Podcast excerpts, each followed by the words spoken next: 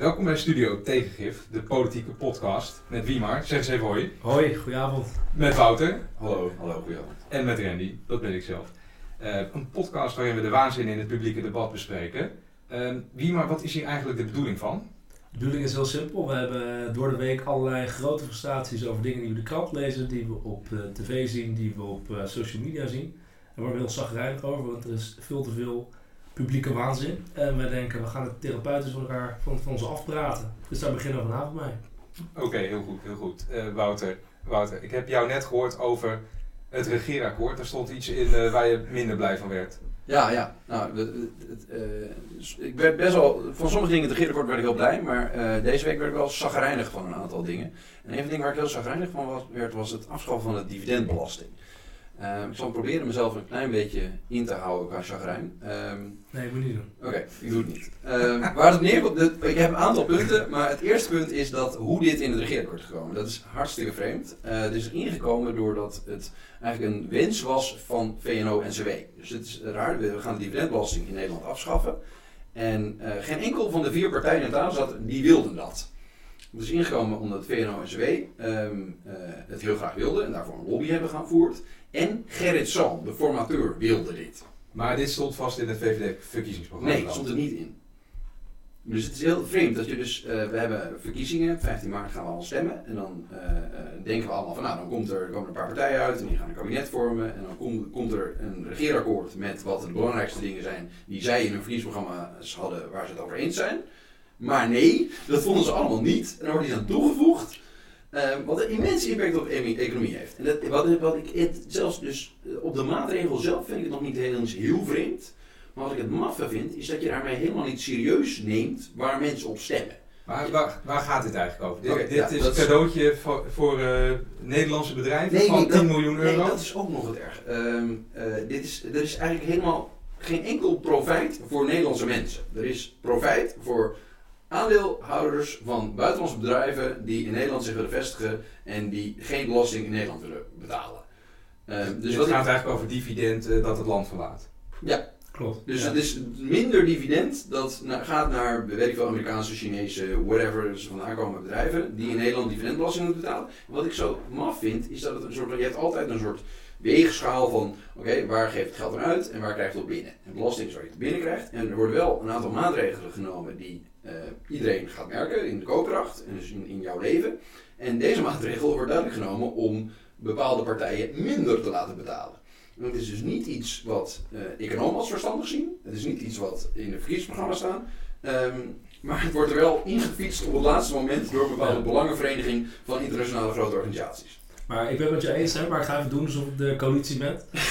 Dan zeg ik uh, eerst, uh, dat, is niet, dat is niet een al te uh, dat, overtuigende aanpak, maar de eerste verklaring zou kunnen zijn dat eigenlijk de, partij, de vier partijen het al vonden dat die, die, die moest gaan, maar ze zetten het niet in het verkiezingsprogramma. dat zou je boos worden. ben je ook rijden. Ja, want daar ben je ook rijden. Dan vond je het dus wel met Of twee, het is gewoon voortschrijdend inzicht. Voortschrijdend inzicht. Het is een half jaar na de verkiezingen. En nu ineens denk je, ja, het is echt beter zijn voor de Nederlandse economie. Allemaal buitenlandse investeerders. Alsjeblieft, daar had nog nooit iemand van gehoord, van de dividendbelasting. Nee, de, dat Gerrit zal nog nooit van gehoord voor tijd. Nee, dat Gerrit zal nog van gehoord. Maar het Financieel Dagblad is heel duidelijk. Het nieuwe kabinet, dat spekt, die spectrum. Het geld gaat allemaal naar de buitenlandse investeerders. Ja, ja, niet eigen belastingvoordelen. Dus Nederland heeft er niks aan. Wat het maf is, weet ik, wel, ik, uh, ik ben nu een boek aan het lezen, dat heet Rethinking Capitalism. En daar ben ik een beetje door doordrongen. Dus eigenlijk alles wat ik denk, dat is een beetje in het frame van dat boek. Uh, laatste wat je hebt gelezen. Nee, ik zit de hele tijd het kapitalisme te herdenken en kijken hoe we het kunnen hervormen. Dus hier zag ik ook weer wat. Um, en ik zag direct dat, dat als je, nou, de Amerikaanse economie is een beetje voor mij het doembeeld van waar we naartoe kunnen gaan. Ik denk dat dan mensen echt pist worden en ook in Nederland mafketels als Trump gaan verkiezen. Ja. Um, en wat je ziet is dat daar, de, uh, als je naar 1990 kijkt, is het uh, de, de, de GDP, dus de, uh, het het nationaal inkomen is tot en met dit jaar is met 78% gestegen. Dat is prachtig. Alleen het uh, mediane inkomen, dus wat een gemiddelde Amerikaan verdient, is niet gestegen. Uh, dat komt gedeeltelijk door het verlagen van belastingen als dividendbelasting. In Amerika als structureel naar beneden is gegaan de afgelopen 22 jaar. En wat mijn vrees is, dat als je dit soort maatregelen doorvoert, die dus uh, de aandeelhouders van grote buitenlandse bedrijven matst, Ten Ja. koste van Nederlanders die bij heel erg tastbare maatregelen als btw-verhoging, dat op een gegeven moment mensen het niet meer gaan pikken. Dat is dus het, de maatregel is nog, ja, daar kan je heel lang over debatteren wat Ja. het economisch effect is, maar ik denk dat mensen, als ze het door gaan krijgen dat dit soort dingen doorgevoerd worden, dat je dan dat je hartstikke zagrijnig wordt over dat je het gevoel hebt dat je eigenlijk gewoon verneukt wordt.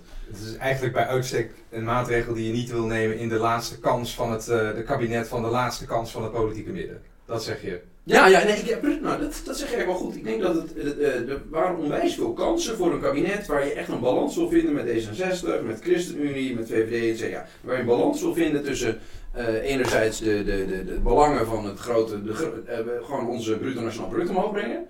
En eh, mensen een beetje gelukkig houden. Ja, maar alsjeblieft zeg, ik zou zeker dan wel willen betwisten dat dit überhaupt bijdraagt aan het bruto nationaal product. Dat is natuurlijk ook al een soort, een, een, Dat is soort fabeltje dat het omlaag brengen van dit soort belastingen, van de vennootschapsbelasting, Ja. die ook nog omlaag gebracht wordt, dat dat überhaupt bijdraagt aan de economie.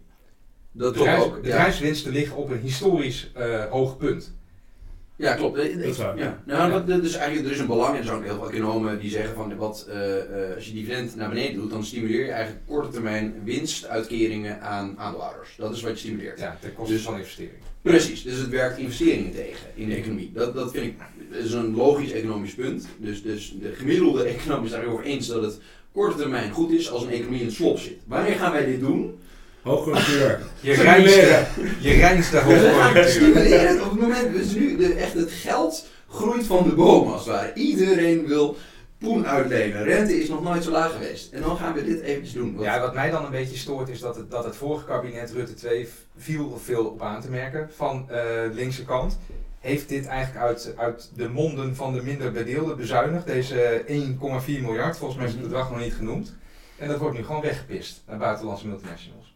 Klopt. Ja, ik, ik verbaas me echt. eh, en het, het gekke is dat er dus wel enigszins eh, publiek debat over staat, maar dat ik de vrees heb dat dit te ingewikkeld is. Dat VNO-NCW heel hard heeft zitten nadenken op de tijd van, nou laten we dit maar niet te ver tijdens die verkiezingsgooi naar buiten brengen. Maar op het laatste moment, wij kennen Gerrit Zoom heel goed, fietsen we het er nog wel even in. En ze gaan toch allemaal debatteren over dat je eh, het Wilhelmus op school moet zingen, zingen of naar het Rijksmuseum moet. Ja, maar mensen kunnen het niet bevatten. Mensen kunnen niet bevatten wat betekent heel- dit eh, ja. een miljard plus lastenverlichting. Dat hebben mensen helemaal niet door. Wat En- is en- evident. Wat is Ja, evident. dat die is een dat? idee. En eh, de mensen die het kabinet gemaakt hebben, denken ook gewoon, ja, als we, hier kunnen we gewoon mee wegkomen. Maar dat dat- dat- probleem, dat dat- is natuurlijk ook zo. Dus Zie je al een volksopstand? Ik niet. Ja, de- ik ben dus heel erg bang. Dus enerzijds is het economisch een maffe maatregel. Anderzijds is het zo dat het eh, eh, profijt is voor partijen zoals buitenlandse bedrijven waar niet, wij niet zoveel mee te schaften hebben. Dus de Nederlandse arbeider of weet ik veel, maakt niet uit wat je doet, heeft er ook niet zoveel aan.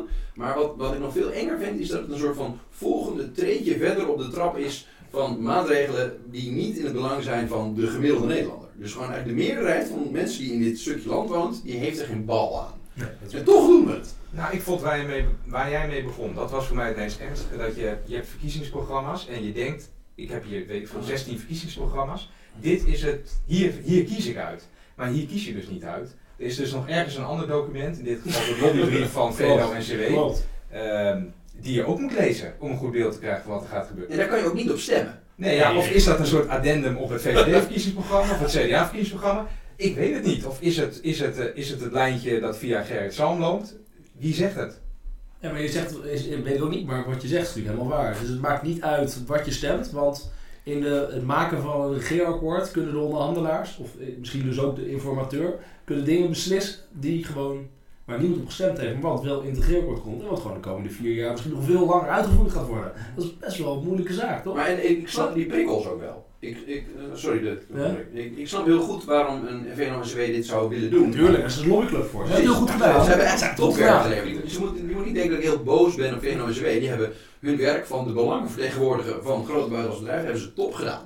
Ik Maar- denk, dat die, ik denk Ja. dat die van hun stoel vallen, Dat dat er het naar gelukt is. geluisterd is. Oh, Ja. dit, is niet, dit is niet een wensje van kun je dit regeltje even schrappen of bla bla bla. Dit is 1,4 miljard. Wat heeft, het wat heeft het wegbezuinigen van de studiefinanciering opgeleverd? 300 of 400 miljoen of zoiets? Ja, dit is groter inderdaad, ja. Het is veel dat groter. Extreem groot. Ja, Extreem groot. Wat denk je dat? Denk je echt dat ze dan bij, in die, in die Mali-toren in Den Haag zitten, dat ze echt een... Ja, champagne gaat open.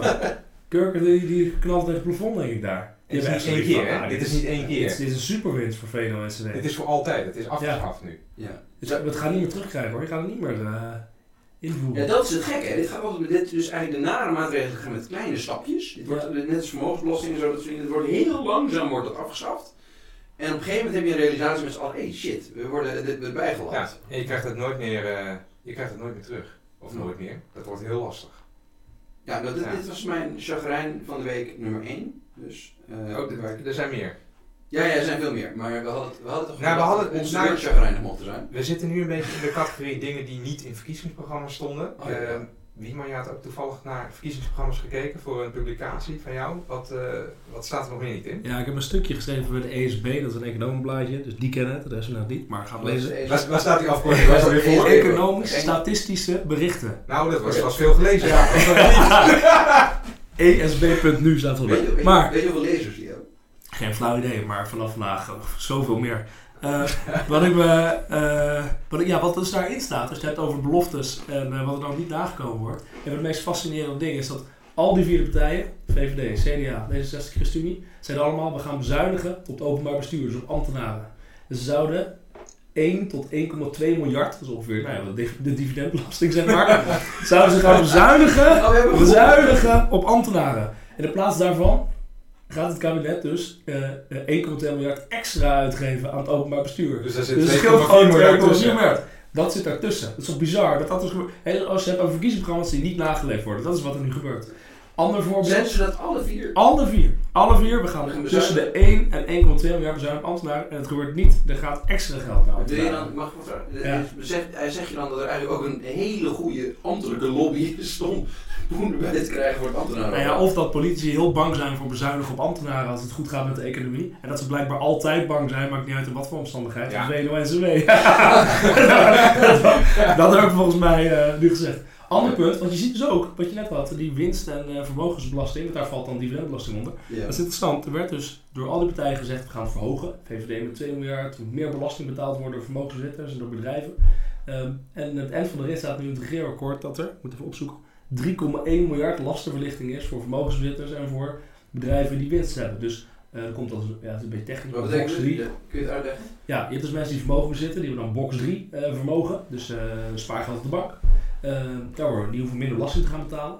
Dat is een van de dingen die gebeurt. En de andere ding die gebeurt is dat dus die dividendbelasting afgeschaft wordt, die in geen enkel verkiezingsprogramma stond. Dus de, voor de bedrijven hun winst wordt minder belast, dus je krijgt een lastenverlichting.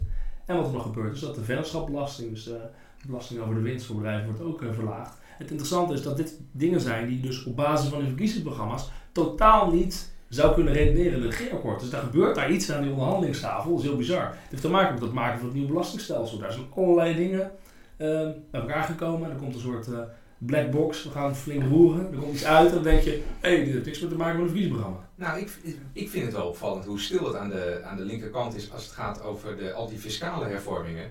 Want het invoeren van een, flat tax, dat is tegelijkertijd het afschaffen van een progressief belastingstelsel. Dat klopt. Eh, het verla- het Ah, het wordt nog niet helemaal afgeschaft. Dus. Nee, er zit een soort, voor de aller, allerhoogste inkomen zit er nog 6% of zoiets, Ja. een paar procentjes extra belasting. Ja. Je bent, je bent halverwege het volledig afschaffen eh, ervan, nu. Gaat ver. Ja. Interessant is dat dus de, de, de, de linkerkant eh, de- van de politiek is nu enorm te lopen, eh, hard tegen die btw-verhoging aan het aanlopen. Ja, alle eerlijkheid, dat is wel een van de weinige dingen die wel in een verkiezingsprogramma stond. De het grote punt is dat je, de, daar, ben, je ben je daar nukkig om geworden deze week?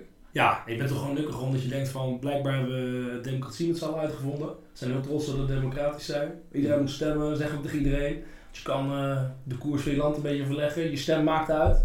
Eind van de rit is een regeerakkoord wat niet gebaseerd is, voor in ieder geval een klein gedeelte, op de verkiezingsprogramma's. Dan denk je ook, ja, wat gebeurt er nou eigenlijk? En het is niet dat de wereld extreem veranderd is sinds, eh, sinds februari. Tenminste, dat gevoel heb ik niet. Nee. maar, wat ik, wat ik vind wel interessant wat jij dat denkt.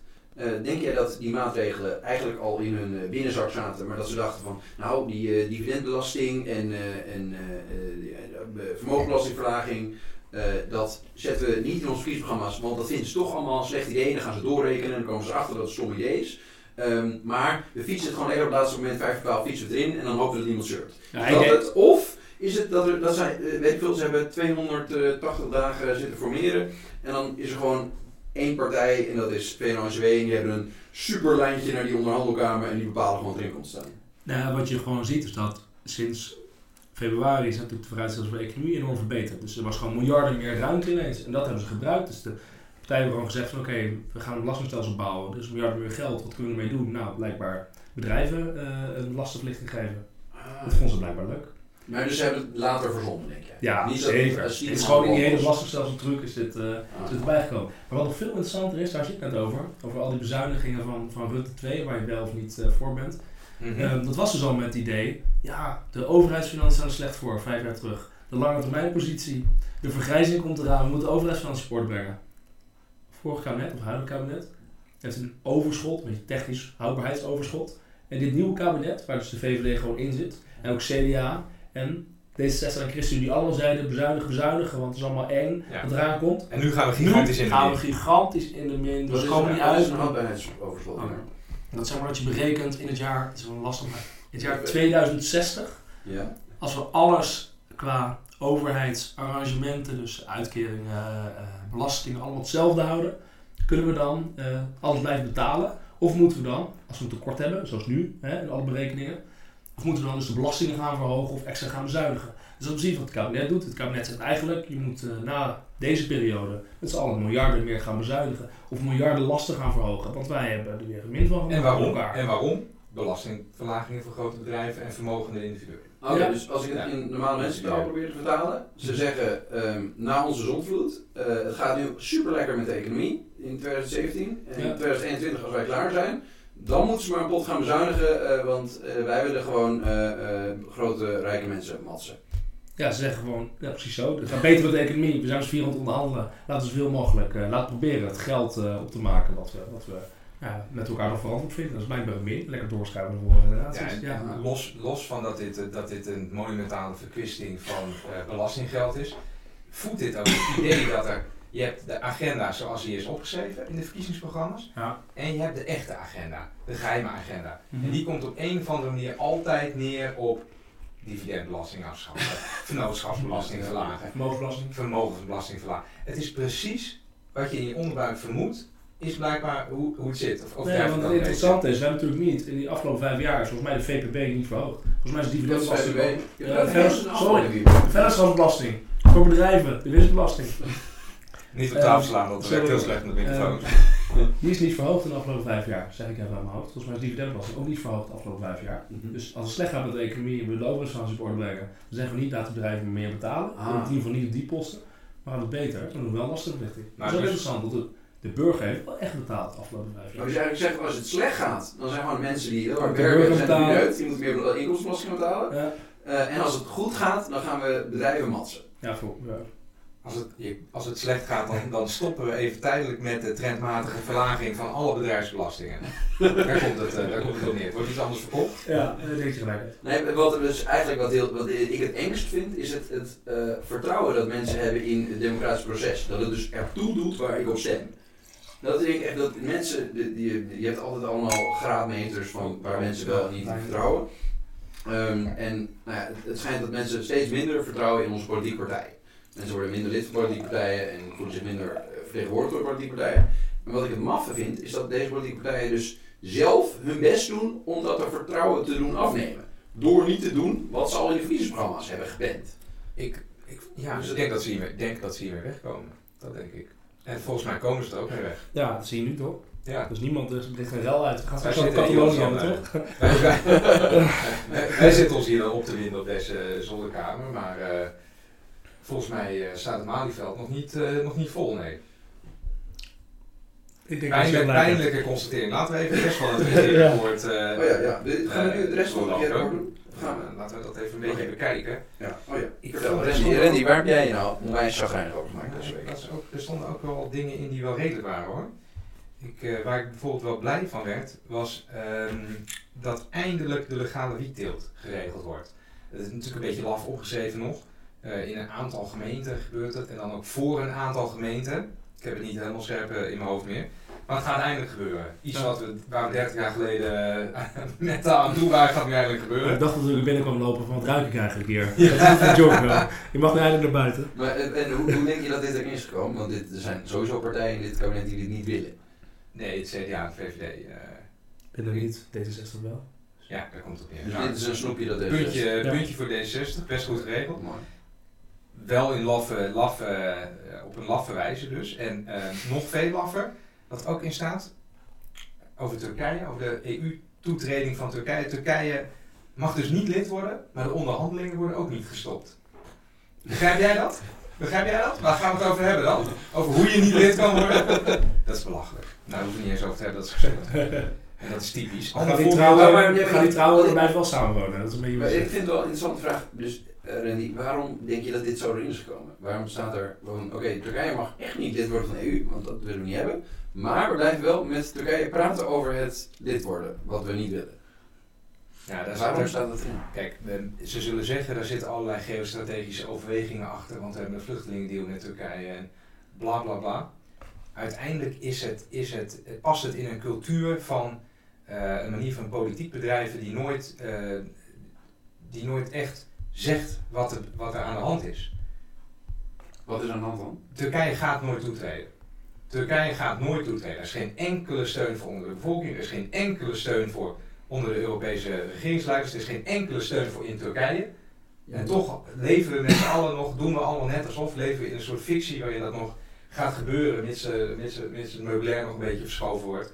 Turkije houdt, houdt eerder op een democratie te zijn, dan dat het voldoende democratisch wordt om toe te treden.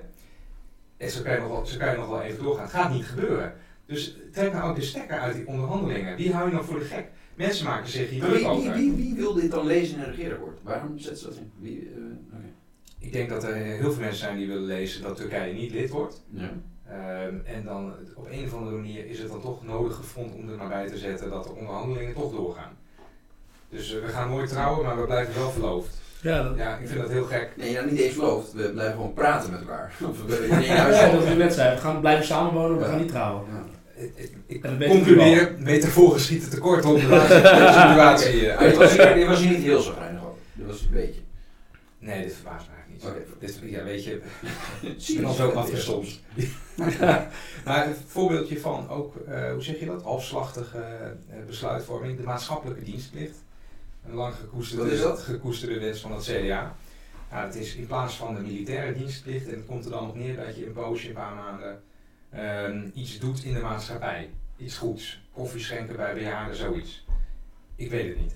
Wat staat er dus in? Het komt er niet, en het komt ook niet niet, maar er komt een vrijwillige maatschappelijke dienstplicht. Ja. Kom op zeg. Voer het, voer het in of voer het niet in.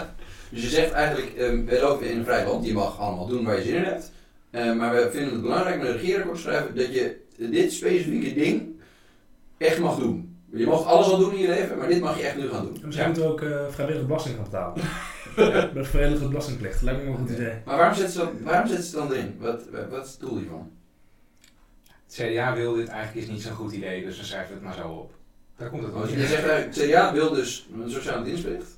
Ja, ja. Een maatschappelijke dienstplicht, ja. Dat, oh, die willen Dit komt uit hun programma, stond er daadwerkelijk in. eh, Ja, ja, dat stond erin. Ja. Stond erin, stond erin. En ja, VVD is niet zo van Ik weet dus ja, dan maak je een vrijwillige dienstplicht. Maar wat, wat heeft het, ik, ik- kun je uitleggen waarom het zinnig is om suggesties te doen voor wat mag in dit land? Nou, Ja, het, is niet het is niet helemaal zonder enige consequentie. Dat zal, eh, dat zal Buma ook aan tafel hebben gezegd. Maar dan moet er toch eh, een soort prikkel zijn. Dus wat hebben ze nou bedacht? Je krijgt dan voorrang voor een baan bij de overheid. Als je die dienstplicht hebt gedaan. En dat is belachelijk.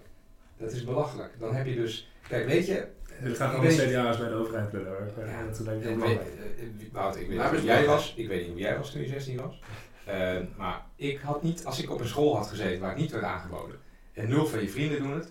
Dan had ik niet gezegd, nou ik ga even gezellig koffie schenken bij bejaarden, vrijwillig. Nee, Puur ik voor denk, de ik denk lol. dat soort dingen weinig tot niet. Nee, nee, ik denk dat dat een heel, heel representatieve ervaring is. Maar wat verandert dit dan? Niks. Niets, dit verandert niets. Niks. Nee. Waarom schrijven ze het dan op? Het is- Ja, Wouter, maar het is een regeerakkoord. Het gaat niet altijd, het is niet allemaal echt. ja, het is ook heel veel symboliek. Het gaat niet alleen maar over wat er echt ingevoerd Nee, gaat worden. laten we dit niet goed praten. Dit is belachelijk. Schrijf het dan gewoon niet op of voer het echt door. Maar dit, dit is weer zo halfslachtig. Dus eh, wat, wat je eigenlijk zegt is, ze doen alsof je bij de, als overheid het belangrijk gaat vinden dat je vrijwilligerswerk hebt gedaan. Maar dat gaat niet gebeuren. Of, dat gaat de overheid niet doen. Of het is een onzin. Ik snap niet. Nou ja, weet je, hoeveel mensen gaan uiteindelijk echt die maatschappelijke dienstplicht doen? En wat is het, wat, wat, is, wat is de symboliek van een dienstplicht die dan, die dan door de helft van de mensen wordt gedaan, waarvan de andere helft zegt, nou ja, weet je, het is vrijwillig, ik heb er geen zin in. Klopt. En die prikkel van jou, die, die prikkel van jou, die prikkel die in het geelkort staat, van nou dan krijg je voor een baan met de overheid. Ik weet niet, jij zegt ook van hoe je was toen je 16, 17, 18 was. Er waren toen ook allemaal prikkels om uh, veel te gaan studeren, niet te veel uh, andere foute dingen te doen. Ja. En, uh, want dan zou je later een goede baan krijgen. Nou, heel veel van die prikkels hebben bij mij niet gewerkt, in toen ik 15, 16 was. Ehm, Nee, dus eigenlijk zeg je dus... ja, dit, is gewoon, nee, het slaat ook nergens op. Je weet dat dit voor, voor 16 tot 18-jarigen alleen als vader en moeder eh, hier eh, als een nou, heilig achteraan zit, Ja, dan gaat het werken. Dat in de, weet, je, weet je wat mij er eigenlijk aan stoort? Is dat doordat dit dan vrijwillig is, naast dat dit hè, een laffe manier is om politiek te bedrijven, eh, is het ook ja, iets doen voor de maatschappij, dan ben je een soort heilige. Je maakt het juist niet normaal. Ah, je, doet, je, zon- je maakt er een uitzonderingspositie van. Ja. Ja, je, bent, je bent wel enorm goed. Je krijgt een soort gouden, gouden cirkeltje boven je hoofd als je deze maatschappelijke dienstplicht doet. Want welke normale jongen van 16, meisje van 16, gaat nou vrijwillig eh, zo'n maatschappelijke dienstplicht doen? Ik zie dat niet, ik zie dat niet gebeuren. Ja, dat het wel is. Misschien, nou we toch in de categorie z- zinloze symboolpolitiek zitten. Artikel 1 van, staat ook nog in de grondwet, of in, in het regeerakkoord. Artikel 1 van de grondwet wordt uitgebreid met seksuele oriëntatie en ook beperkingen, oftewel handicaps. Ehm, er staan nu dingen als, hè, er mag geen discriminatie eh, plaatsvinden op basis van politieke oriëntatie en et cetera, et cetera. En dan staat er, of iedere andere vorm van, eh, eh, van discriminatie. Ja. Maar de, de, de, bezwering van geen enkele vorm van discriminatie is toegestaan is niet genoeg. Dus we gaan nu ook eraan toevoegen seksuele oriëntatie en handicaps. Dat is, je kan het er niet mee oneens zijn, maar het is zinloos.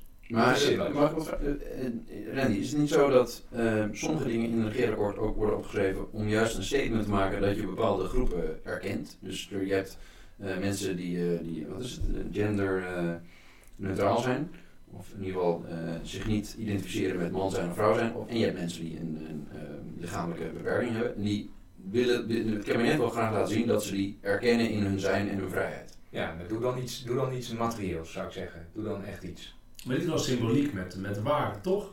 Ja, dat- bedoel, ik vind ook van, het, het, inhoudelijk voegt het niks toe, want er gaat niks veranderen praktisch. Ja. Ja, het gevoeltje. Maar Alleen zelfs dit van zinnetje- er ook in. Ja. Zelfs dit zinnetje wordt dan pas over iets van acht jaar veranderd. hè? Ja, je moet twee keer, het is je moet twee keer 75% eh, Ja, van de stem hebben. Eerste en Tweede. Kamer, hoe gaat het?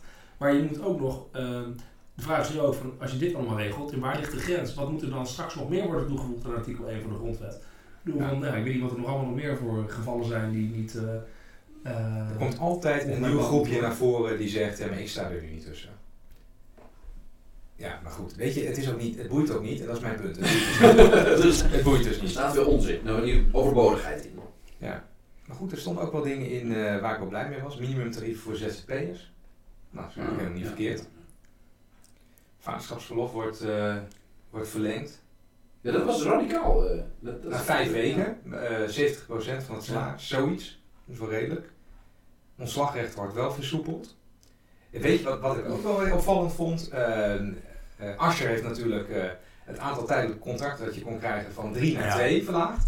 Eh, met het doel, om let op, met het doel zodat er meer vaste contracten zouden worden verstrekt uiteindelijk. Nu wordt het weer van twee naar drie jaar gebracht. Met het doel zodat er meer vaste contracten zouden worden verstrekt. Ja, ik denk dat we even naar de wetenschap moeten gaan kijken. Van, wat is hier nou? Ja, ik ben wel benieuwd of het, zijn er ook eh, mensen die er heel hard over nadenken die zeggen van oké, dus, dus de, de maatregel heeft het gewenste effect, ja of nee? Want ze draaien nu als het ware de maatregel van het vorige kabinet terug. Ja. En hebben ze vast bij hele verstandige mensen bij planbureaus of zo gehad die er naar gekeken hebben en die besloten hebben dat het een goed idee was. Ik weet het niet, maar ik Ja, het is vooral dat de werknemers, eh, dat werknemers aantrekkelijker worden, omdat je ze dus langer tijdelijk contract gaat geven. Dus voor mij zit het vooral om, ja, van wordt er gezegd om eh, werknemers eerder een vaste contract krijgen, maar het is denk ik vooral dat eh, bedrijven kunnen zeggen, we nemen eerder tijdelijke contracten aan, in plaats van ZZP'ers. Want tijdelijk contracten kunnen even doorverlengen. Ik denk dat dat vooral hier erachter zit. Het is interessant, ik weet nog dat, nou ja, bij het minimumuurtarief voor ZZP'ers, dat wordt ook nog een ding. Ik weet dat er heel lang over gesproken is in ministeries, dat er altijd een discussie was. Maar het is niet uitvoerbaar. Je kan niet testen wat het uurtarief van een ZZP'er is. Want je hebt allemaal, eh, uh, overeenkomsten van opdrachten. Maar wordt dan niet gewoon het minimumloon? Ja, maar gaan mensen toch meer werken dan in het contract staat? Dan gaan ze wel meer uren werken dan daar op papier staat. Ja, nee, maar, de, nee, maar het verhaal is natuurlijk dat, uh, dat je natuurlijk onderling afspreekt, opdrachtgever, ZZP'er, van joh, jij gaat inderdaad per uur die 18 euro bruto verdienen die nu in het regeerakkoord staat, daar wil je alles mee betalen. Maar eigenlijk moet jij praktisch gewoon veel meer werken dan ja, dat er daar staat. Ja. Ja. Dat gaat, gaat gebeuren. Maar Dus ja, is ik vind het een hele goede stap. Ik, Ja. Nou ja, Dus zo puur symboolpolitiek. Het heeft ook wel zin. ja, en sterker nog, ja, ik, ik, ik, hou wel, eh, ik hou wel van symboolpolitiek, dat is het goede, maar ik denk wel dat symboolpolitiek er af en toe wel toe doet.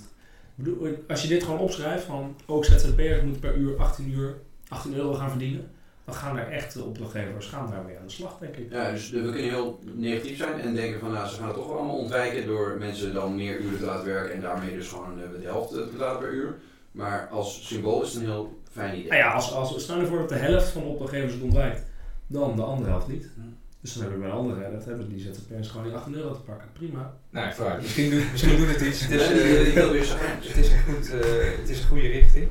Eh, iets waar ik me wel kapot aan geërgerd heb, is hoe de Spaanse regering omgaat met de situatie in Catalonië. Ik vind het bijna fascinerend. Dat, Wat is, ge- wat is er gebeurd? Vertel.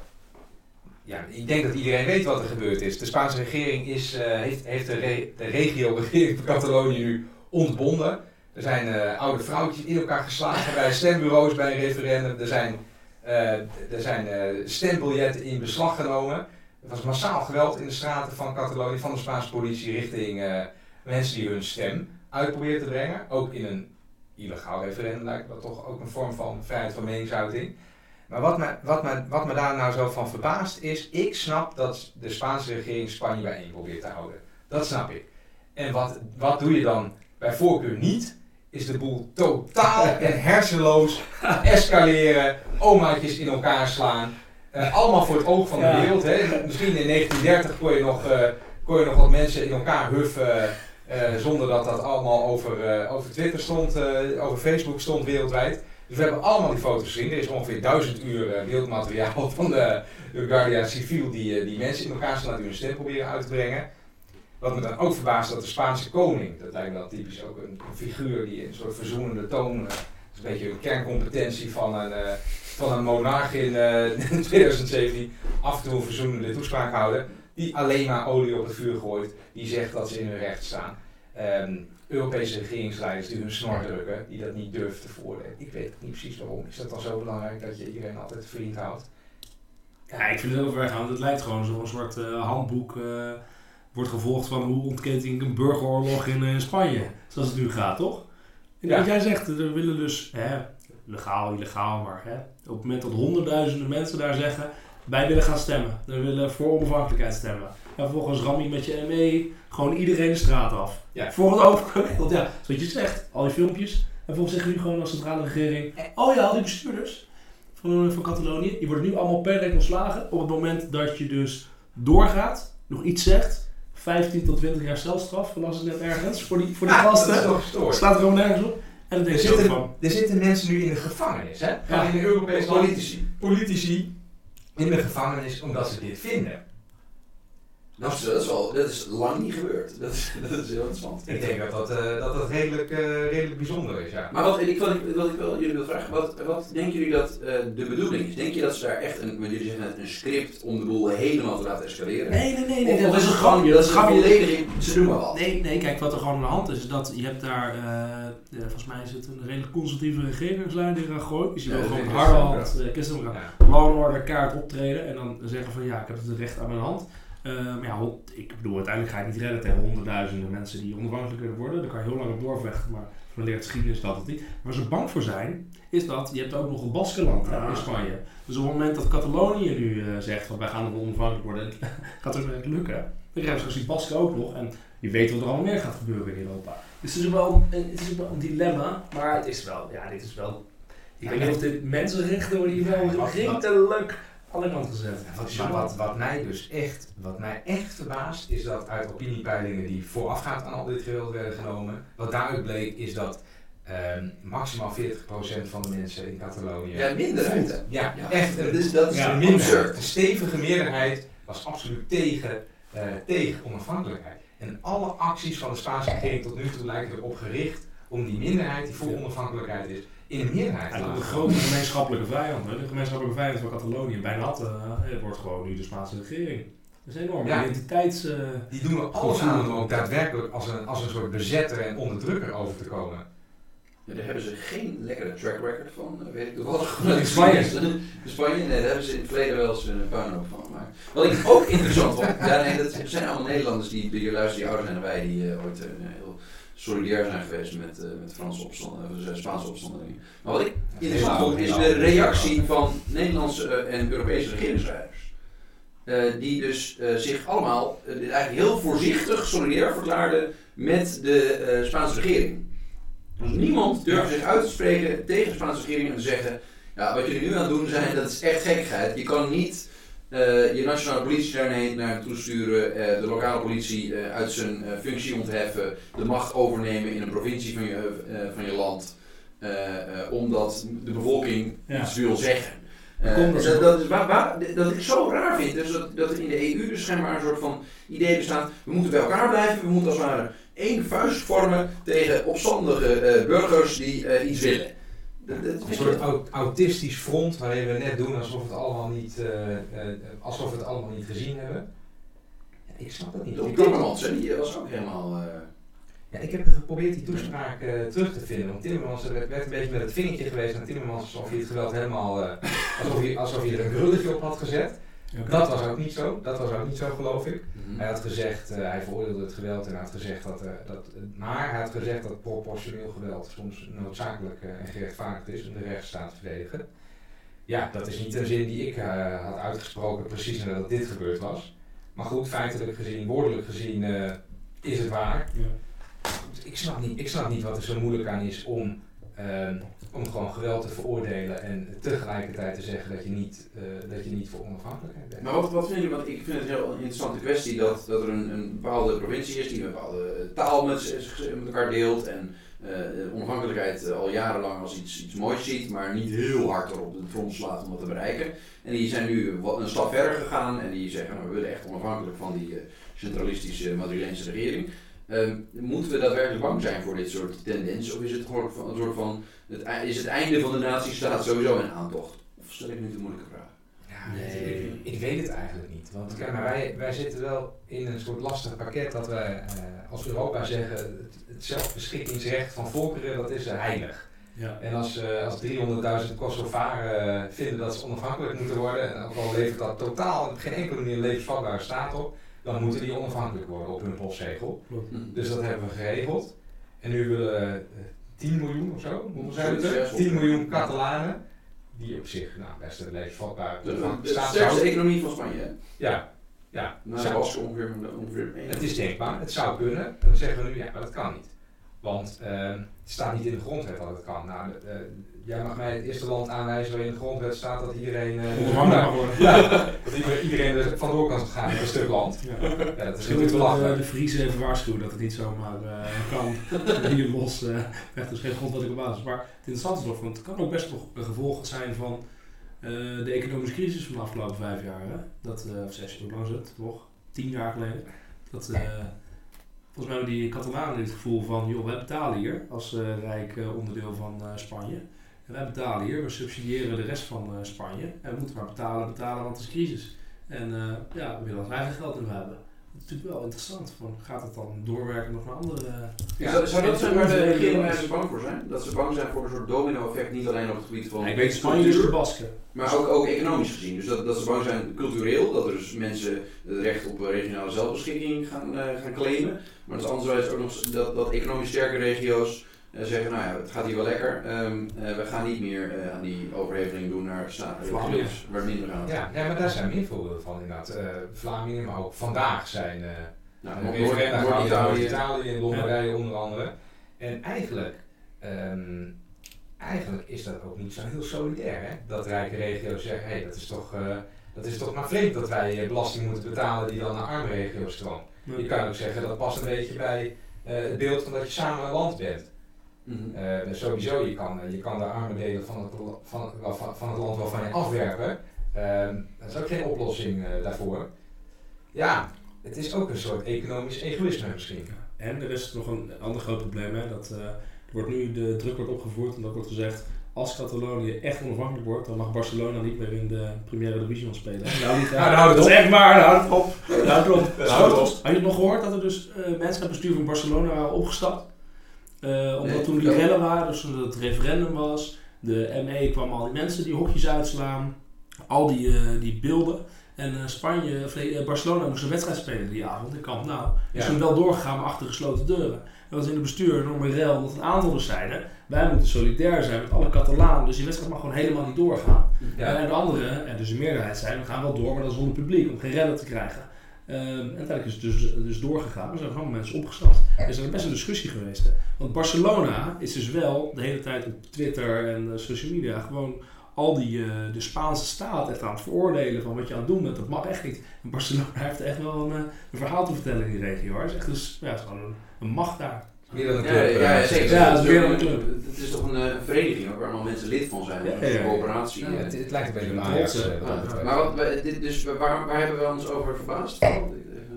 Over, over de totale incompetentie waarmee dit aangepakt wordt. Het totale, het totale gebrek aan wijsheid. Ja, hoe maak je burgeroorlog? Zo. Ja, zo. Als je hier nog een jaar mee doorgaat, dan eh, heb je bloed in de Maar dat, dat, ik, ik, ik zie bijna een soort overkoepelend ding. Dat wij zien in allerlei maatregelen die dus op het hoogste niveau genomen worden, dat het, dat het helemaal niet getuigt van enige sensitiviteit van hoe je een maatschappij een beetje plezierig inricht.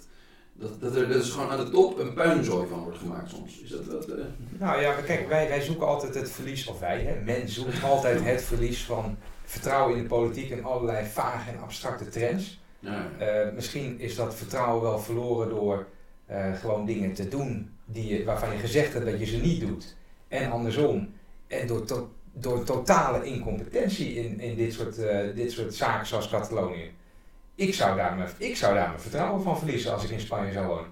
En ik denk dat ik dan niet gek ben. Ik ben het met je eens. We moeten door. oh ja, we gaan door. We hebben nog, we hebben nog een ergernis van Wimo op de, agenda staan. PG, waar gaat het eigenlijk over? PGB. eh, PGB. Waar staat, waar staat PGB voor? Persoonsgebonden eh, budgetten. Dus dat zijn zeg maar. ehm, Zo, dat kwam er eh, lekker uit. Ja, Ja. je hebt ook, eh ja, ik ga ik weet dat er meer al PGW als ook niet, maar persoonsgebonden budgetten, dus je krijgt, zeg maar, je, hebt, je bent ziek, je hebt zorg nodig, dan zegt de overheid, je kan bij mij een aanvraag indienen voor een bak met geld, dan kan je je eigen zorg inkopen. Dat is een enorm liberaal idee, de VVD is ingevoerd, hè. Ehm, eh, de staatssecretaris, de oud-stemmers, weet ik weer, uh, Ja, daar staan. Terpstra. Oh. Eh, die, eh, nee, die vrouw. Eh, maar Eerder dat. Erik Terpstra. Die heeft het ingevoerd. ehm, en wat er dus gebeurt, en dat weet eigenlijk iedereen, is dat er extreem veel fraude is. Wat er gebeurt, is dat dus... eh, Even tussendoor. Dan moet je echt ophouden met op tafel te slaan. ja, Ja. sorry, sorry. Ik, ik Ik praat er mijn handen. over. Ja, ik, nou, dit, want ik vind het gewoon gênant dat er dus met publiek geld, met echt publiek geld, al jaren, jarenlang fraude wordt gepleegd. Echt, volgens mij zijn de cijferschattingen zijn dat 30% van die zorguitgaven is gewoon fraude. Dus mensen die zeggen, ehm, eh, ik ben ziek, of mijn kind is ziek, of mijn kind is ziek en ik ga zelf wel de zorg verlenen. Eh, en dan gaat gewoon miljoenen en miljoenen wordt er gewoon verspeeld en gaat gewoon onterecht weg. En de afgelopen jaren zijn er door alle hervormingen van het vorige kabinet zijn er heel veel van die PGB-handelaar-kantoortjes zijn eh, failliet gegaan. Ehm, en heeft, nou, met eigenlijk terecht, dat ze waren het proberen, we zo.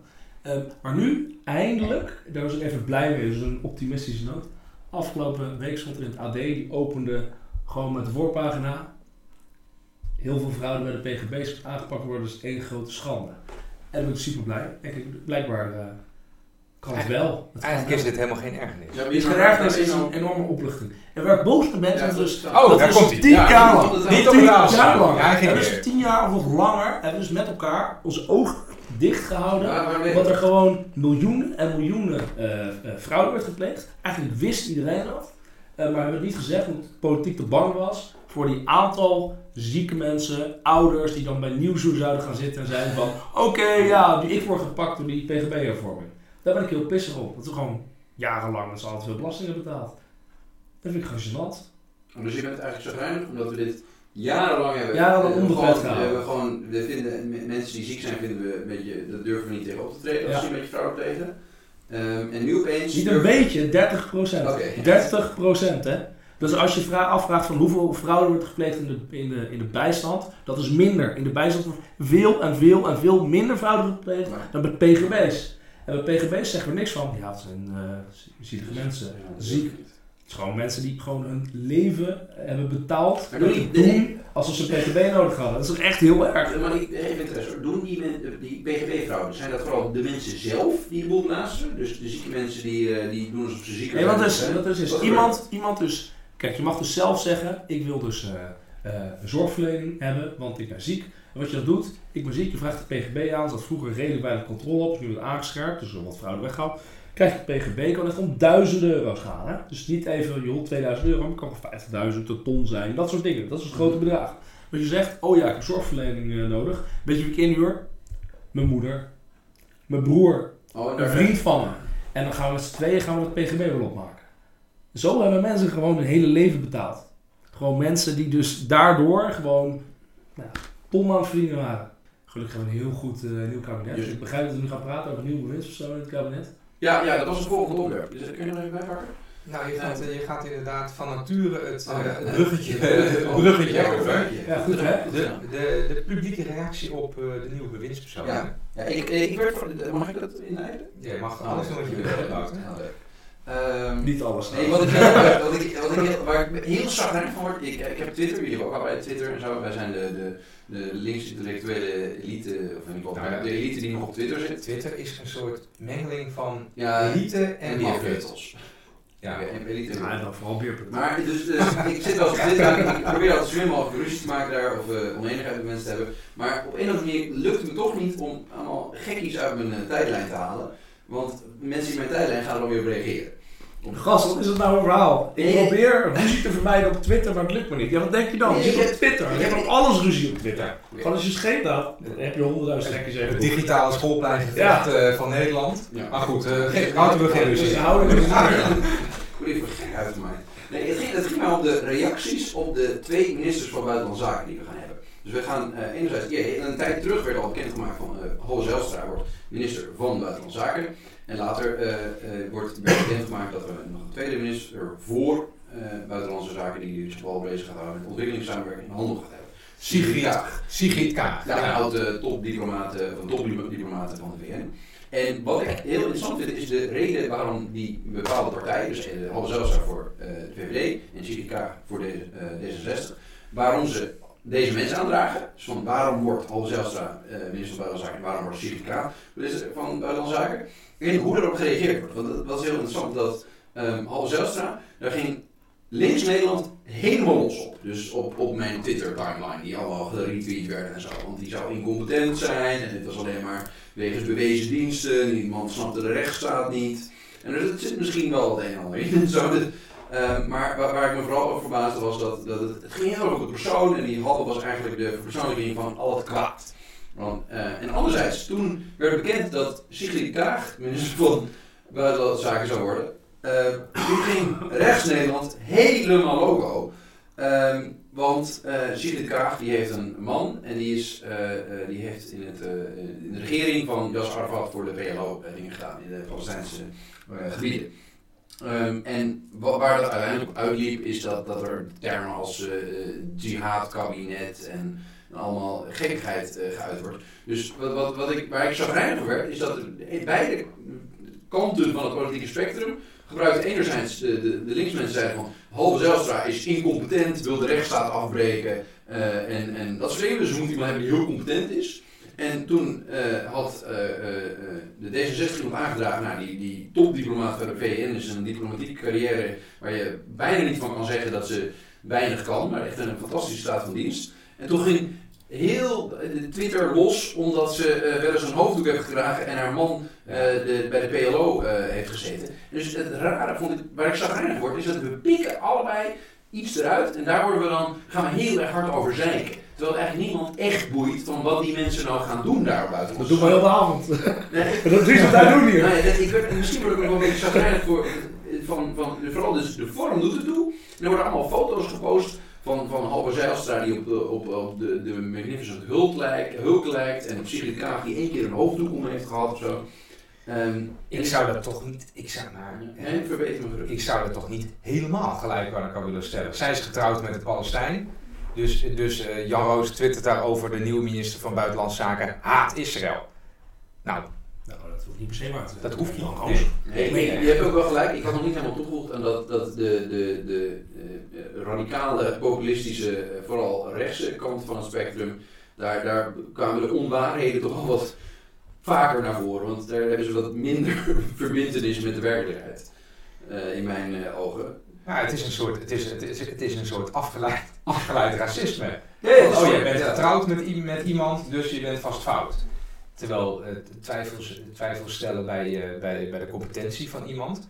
Waarvan eh, op nos.nl staat dat VVD-Kamerleden zeiden... Ja, maar Albe die leest wel vaak eh, buitenlandse kranten. Ja, dat was York Times gelezen. Dat, was niet, dat, dat, staat, dat is toch niet goed, die quote. Ja, nee, wat ik, wat ik het ergste vond, nou, als we dan toch ook, hè, dan gaan we even dan zelf los. Ehm, eh, waar, waar, ik- wat ik maf vond, is dat Halve zelfs op een gegeven moment beweerde dat, eh, dat mensenrechtenverdragen de vrijheid van Nederlandse eh, bedrijven vooral niet in de weg mogen staan. Maar daar op- bijvoorbeeld het EWRM. Daar moesten we niet op afrekenen, zei je net. Dat was onderdeel van een soort linkse het. Nee, waar ik dan zelf aan twijfel is van, zoek ik manieren om Halve Zijlstra heel matig te vinden?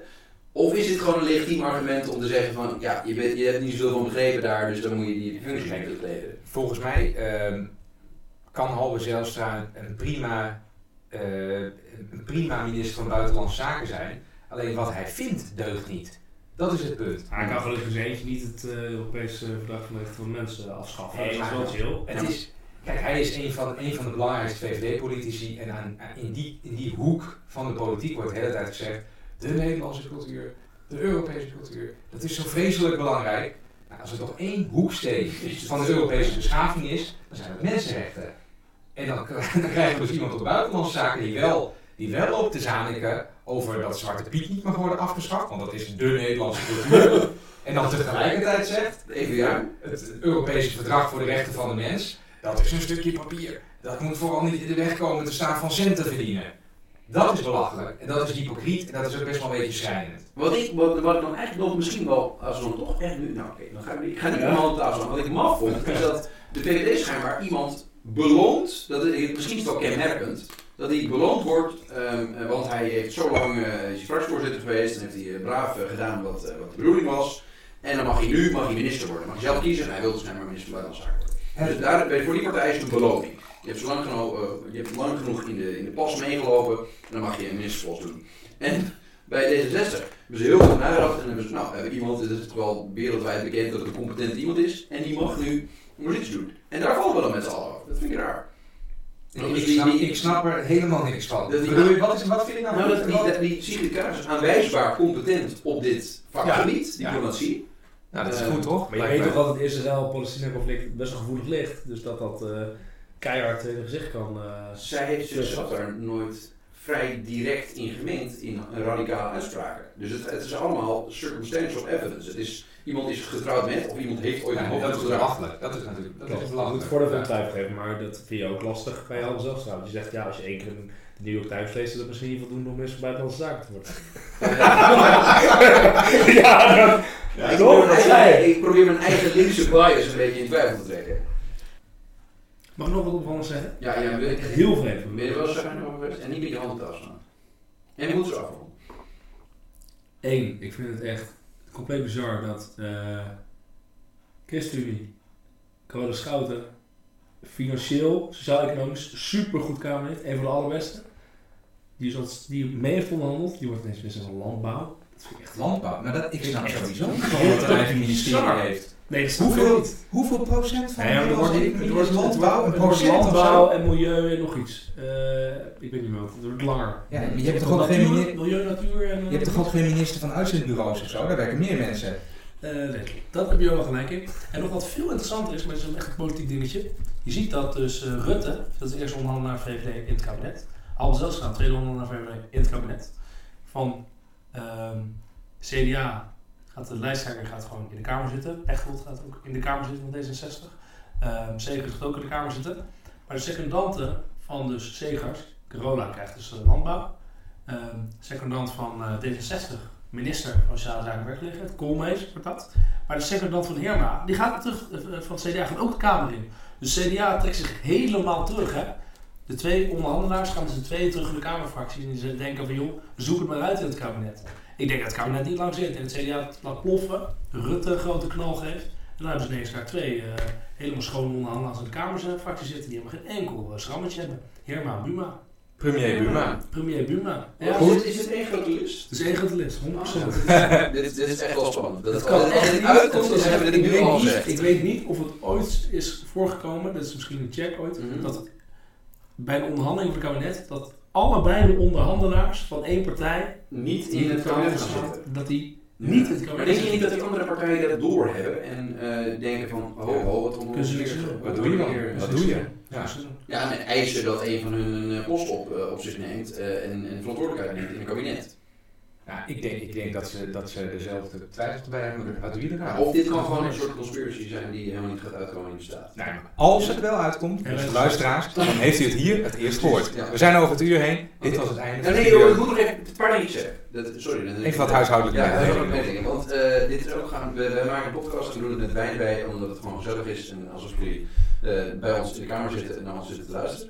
Ehm, geef heel, eh, we, we zijn ontzettend blij als je eh, feedback geeft eh, over waar we het over moeten hebben en wat we niet moeten doen en wat we wel moeten doen. Wouter is blij mee, ik hoef het niet te horen. Oké, eh, Dit wat, zit mij eigenlijk wat, wat gelopen is dat ik het allemaal ga lezen. En, Ja. ik ben toch minst inhoudelijk van ons, dus ik, ik zorg gewoon dat ik eh, dan dat meeneem de volgende keer. En ehm, nou ja, wat gaan we doen? We gaan eh, de volgende keer eh, over twee weken ongeveer. Nee, volgende week. Volgende week. Gaan we elke week? Ja. Elke week. Oeh, elke week. Elke week. We gaan volgende week los met eh, waar we die week weer hartstikke chagrijnig over zijn geweest in het eh, publieke debat. Eh, en ik denk dat het weer interessant wordt. Was tegengegeven, kunnen we zeggen. Ja, was dan tegengegeven. gaan we nog bedankt zeggen en, eh, voor het luisteren. Bedankt en tot ziens.